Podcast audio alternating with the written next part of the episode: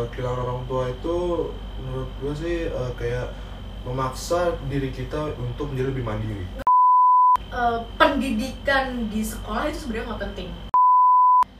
Hai guys, gue Dea dan ini adalah podcast gue.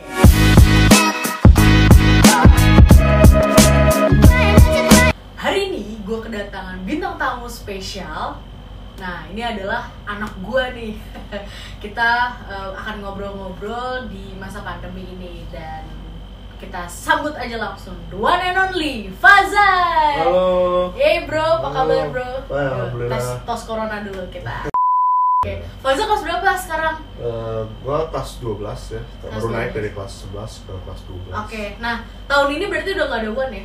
iya udah nggak ada bener. Oke, thank you Pak Nadiem Makarim sudah menghapus UN Ya, Karena makasih. ini bikin gue deg-degan banget ya Karena Faza ini adalah salah satu eh, anak yang ranking 1 Tapi dari, delap- dari 35 siswa ya iya Da- dari 36 saya peringkat 35 kan Jadi juara dua ya? iya juara dua Oke, Bang.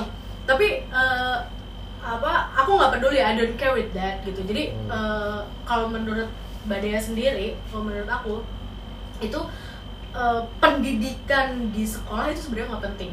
Eh, ketika kamu sekolah Hmm. itu kamu mendapatkan banyak teman dan lingkungan yang baru. iya Nah, ketika kamu kuliah itu juga hal yang sama gitu loh. Jadi eh, banyak orang kita kuliahnya jurusan apa atau sekolahnya jurusan apa, tapi kerjanya di jurusan yang berbeda. beda iya Iya kan? Makanya aku nggak pernah marahin kamu kalau nilai kamu jelek. Tapi aku marahin kamu kalau kamu tidak berbudi pekerti dan tidak ada sopan santun yang baik Hmm. yang jelas gue tahu Faza ini bahasanya tuh bagus banget mulai dari bahasa Inggris dan kamu bisa bahasa apa lagi selain bahasa Inggris bahasa Indonesia sama bahasa Jepang bahasa Jepang nah itu gali terus bang gali Iya. terus karena itu adalah salah satu value nya kamu Iya. itu adalah salah satu bakat dan minat kamu yang harus terus digali gitu iya nah Hmm. jurusan kuliah kira-kira mau ngambil jurusan apa nih Za? mau ngambil sastra bahasa sastra bahasa Iya, kalau nggak bahasa Inggris ya bahasa Jepang tadi. Oke, nah kita udah komitmen ya kalau nanti setelah Abang Fazal lulus SMA, eh, kalau Mbak Dea ada rezekinya Iya, bisa lanjut kuliah, iya. ya kan? Lanjut kuliah dan mau ngambil sastra. Hmm. Jadi Abang Fazal ini, Abang Fazal ini adalah ponakan gua. Eh, jadi kita tuh nasibnya sama nih. Jadi eh, gue ditinggal orang tua gue dari kecil dan eh, sedihnya Faza juga mengalami hal yang sama. Zah ngomongin masalah eh, orang tua nih kan kehilangan bunda, sosok bunda dan ayah ya. Iya. Menurut kamu gimana sih Zah? Ya mengubah banget sih, tapi eh, kehilangan orang tua itu menurut gue sih eh, kayak memaksa diri kita untuk menjadi lebih mandiri. Ugh. Terus terus Ya jadi kan ya karena ya nggak selamanya orang tua itu ada di sisi kita gitu kan. Jadi Hmm. kalau udah dari awal gitu nggak Hmm. punya orang tua masih hidup sendiri itu kayak kedepannya tuh makin gampang gitu loh. Oke. Eh, gue di gue nih lagi berusaha. Gue gue masih single ya. Gue belum nikah. Tapi gue udah punya anak nih. Anak segede begini gitu kan.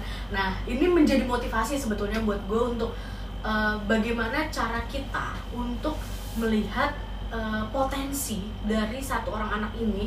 Gimana caranya untuk potensi ini digali terus eh, untuk bisa dia lebih berkembang dan dia punya semangat untuk itu gitu. Jadi Uh, ini pelajaran banget buat gue. Uh, gue tuh banyak banget belajar dari Om Deddy Kobusier sebenarnya.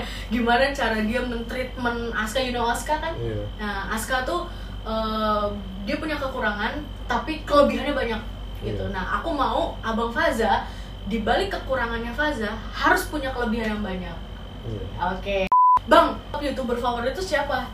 Youtuber favorit gue sih sekarang itu namanya eh, Poli Twitch itu namanya Moist Critical. Kalau di YouTube namanya Penguin Zero. Oh gitu. Dia Kalau di itu- YouTube Penguin Zero. Iya, Oh, belum tahu sih gue. Itu YouTuber luar ya? iya itu berluar. Oh, kontennya apa? Kontennya tuh eh, reaction sama eh, commentary. sempet nonton uh, YouTube Got Talent gak sih? Oh iya itu satu-satunya i- i- apa eh, hasil YouTuber Indonesia yang bagus menurut saya. Gitu ya. Iya. Gue gue ngefans juga sama Chandra Leo tapi sayang banget di situ nggak ada Deddy Kobusier. Oh, Kalau enggak, ada- saya saya seneng nggak ada dari Kenapa? karena nanti tamunya tuh dimotivasi kan. Jadi dia ceramah 10 menit, videonya tuh isi di ceramah doang. oh gitu ya iya.